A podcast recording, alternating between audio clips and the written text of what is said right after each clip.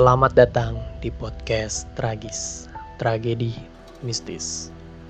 Podcast ini menceritakan pengalaman horor dan juga fenomena mistis yang terjadi. Jadi, selamat mendengarkan. Kamu gak sendirian. Shh, jangan lupa matiin lampu. Gue Denny.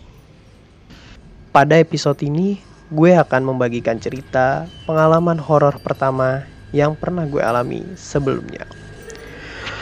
Bisa dibilang pengalaman ini merupakan pengalaman yang gak akan terlupakan dalam hidup gue. Di mana untuk pertama kalinya gue ketempelan oleh sesosok makhluk penunggu sungai di daerah Desa Walahar, Cirebon.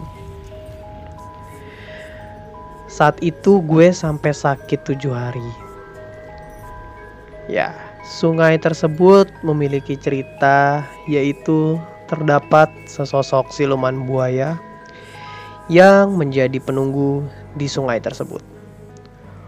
Orang asli daerah sana pasti tahu mengenai cerita ini. Awal kisahnya, saat itu gue sedang berkunjung ke rumah bibi yang tinggal di sana. Waktu itu kebetulan belum masanya untuk libur sekolah.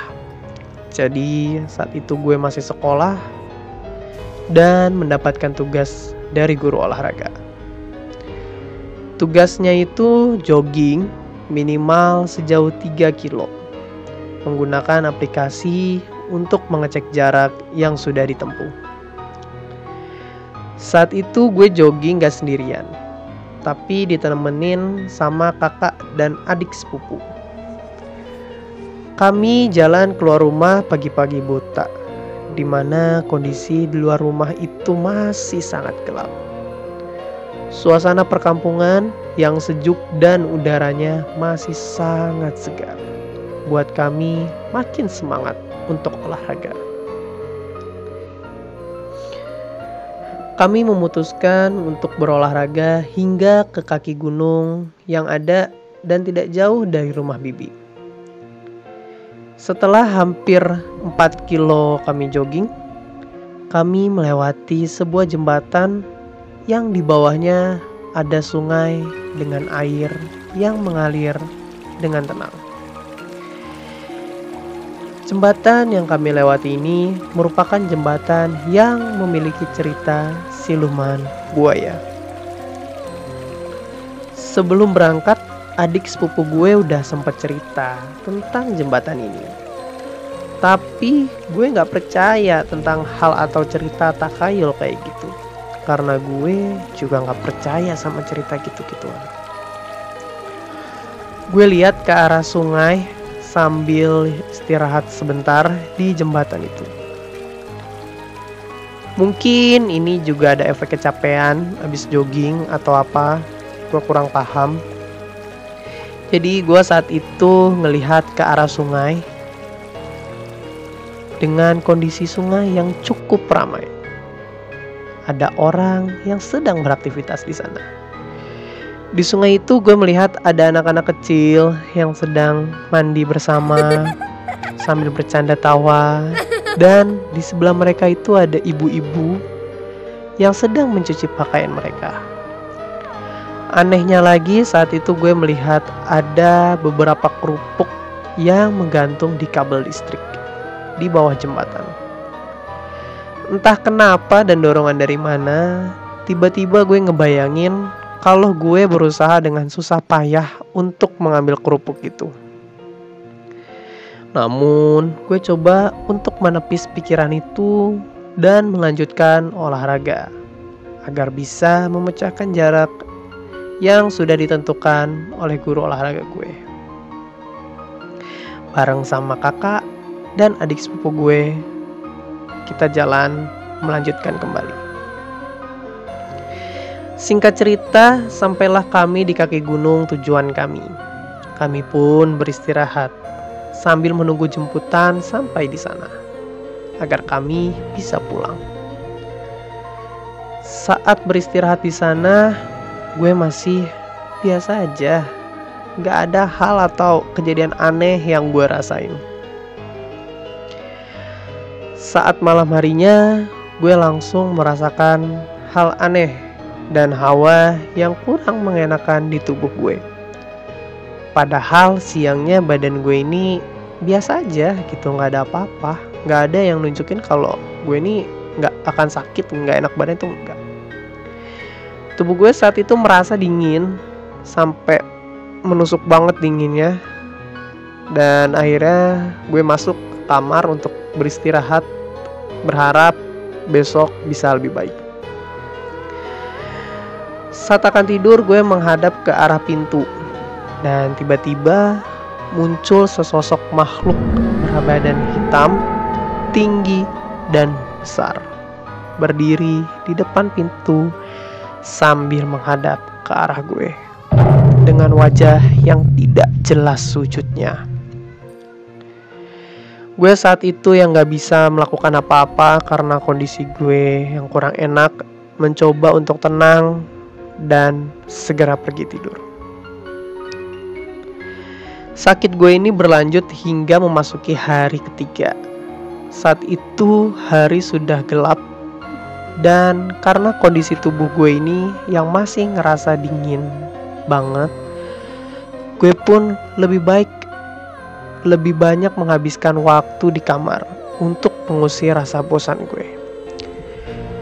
Seharian berada di kamar, ya gue main game atau buka sosmed di HP.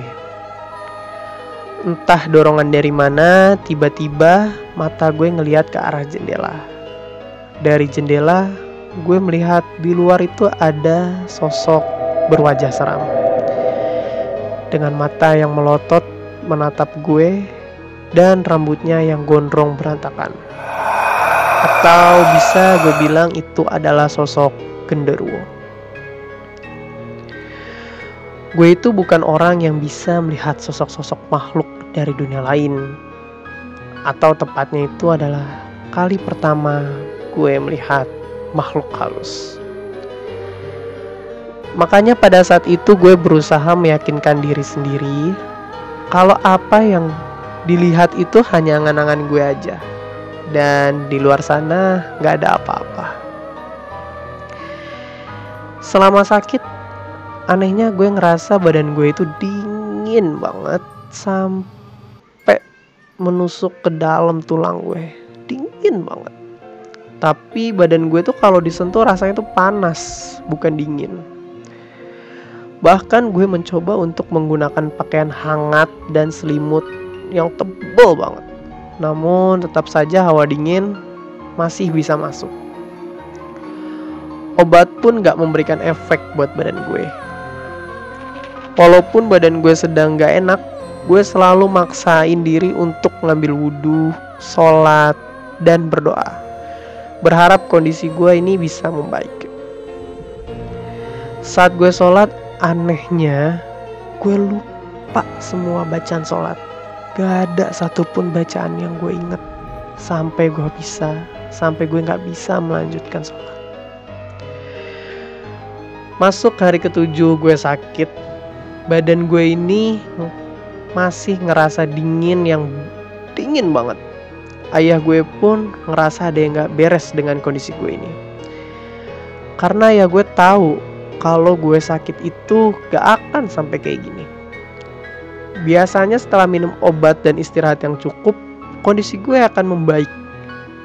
Tapi ini enggak. Nah saat itu ayah gue langsung sholat, wirid, sambil membaca doa. Gue yang sedang di kamar sambil tiduran tiba-tiba mual dan muntah-muntah. Gue juga saat itu langsung mencium bau amis anyir entah dari mana. Padahal di dekat gue tuh nggak ada benda-benda atau makanan yang baunya tuh amis anyir kayak gitu. Setelah ayah gue selesai sholat, kejadian aneh pun kembali terjadi. Secara tiba-tiba gue nangis kenceng banget. Tapi saat itu gue masih sadar dan tahu kalau yang nangis itu bukan diri gue. Sambil nangis gue pun berbicara kayak gue. mau pulang ke pohon besar yang ada di jembatan itu. Sontak semua orang di rumah itu kaget, termasuk kakak dan adik sepupu yang ikut olahraga bersama gue waktu ngelewatin jembatan itu. Sampai akhirnya bibi gue minta bantuan ke orang yang bisa mengusir makhluk halus di daerah rumahnya itu. Sambil menunggu, ayah gue terus membacakan doa di telinga gue sambil memeluk gue. Tiba-tiba pandangan gue menggelap dan cahaya putih muncul hingga membuat gue tak sadarkan diri. Setelah terbangun, kakak gue coba bertanya ke gue, "Kamu emang lihat apa?" waktu kita di jalan jembatan itu? Gue pun menjawab, pas di jembatan lihat kerupuk gak? Terus di sungai ramai kan? Banyak anak kecil lagi mandi sama ibu-ibu sedang mencuci baju. Sontak mereka pun langsung terkejut mendengar perkataan gue. Mereka berdua mengatakan sambil menggelengkan kepalanya tidak melihat apa-apa hanya melihat sungai yang tenang dan gak ada siapa-siapa. Adik sepupu pun berkata kalau sekarang itu udah gak ada lagi ibu-ibu yang mencuci di sungai itu. Setelah kejadian itu, gue seperti orang yang kebingungan dan diam saja. Gak tahu harus berbuat apa. Saat mau sholat pun, setelah ngambil wudhu suka melamun dengan pikiran yang kosong tapi gue terus berdoa dan bersyukur kalau semua itu sudah lewat dan sekarang gue baik-baik saja. Terima kasih udah dengerin cerita gue. Semoga ada pelajaran yang bisa kalian ambil. Terima kasih telah mendengarkan podcast Tragis, Tragedi Mistis. Nantikan episode kami selanjutnya di Spotify, Anchor, dan Google Podcast.